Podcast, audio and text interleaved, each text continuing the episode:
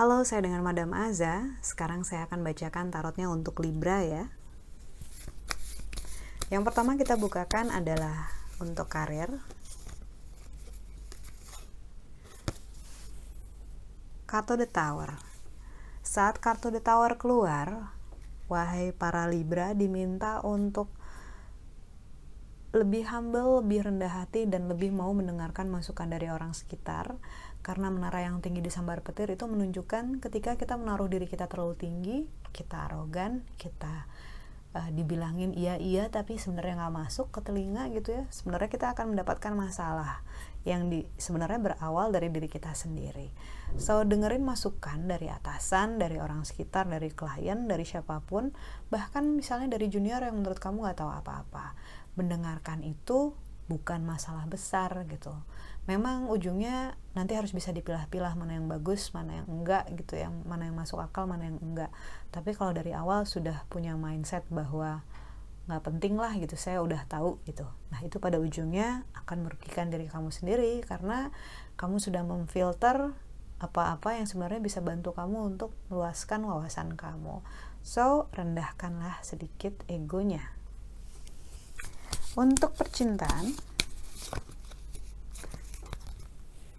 judgment. Saat kartu judgment keluar ini menunjukkan segala unsur yang panas ya.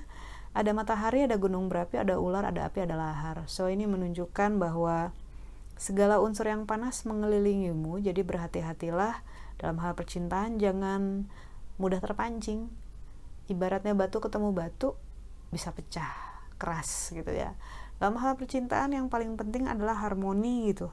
Jadi kalau misalnya pasangan lagi panas, kamu lagi panas, ya menghindar saja dulu atau dibicarakan nanti pada saat keduanya sedang adem. Kartu judgment menunjukkan uh, konflik ataupun emosi dari ego yang saling bergesekan. Kartu nasihat yang terakhir, The Magician. You have that magic in you, jadi sepatutnya lebih percaya diri dalam mengejar apa pun yang kamu inginkan.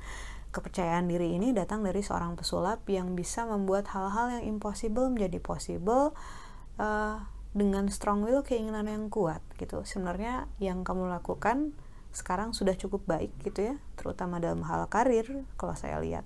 Tapi yang diperlukan adalah nggak itu konsistensi dan strong will tadi keinginan yang kuat tadi yang bisa membangun konsistensi ke depannya harus ngapain langkah-langkah yang harus dilakukan apa dan tidak terburu-buru.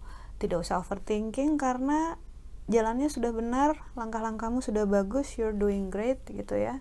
Uh, tinggal egonya diturunin dan mengerti gimana caranya menjaga harmoni di sekelilingmu termasuk dalam hal percintaan. Sekian bacaannya semoga bermanfaat. Jangan lupa untuk subscribe, like, dan juga share ya. Semoga lebih banyak yang bisa mendapatkan nasihat baiknya. Terima kasih banyak.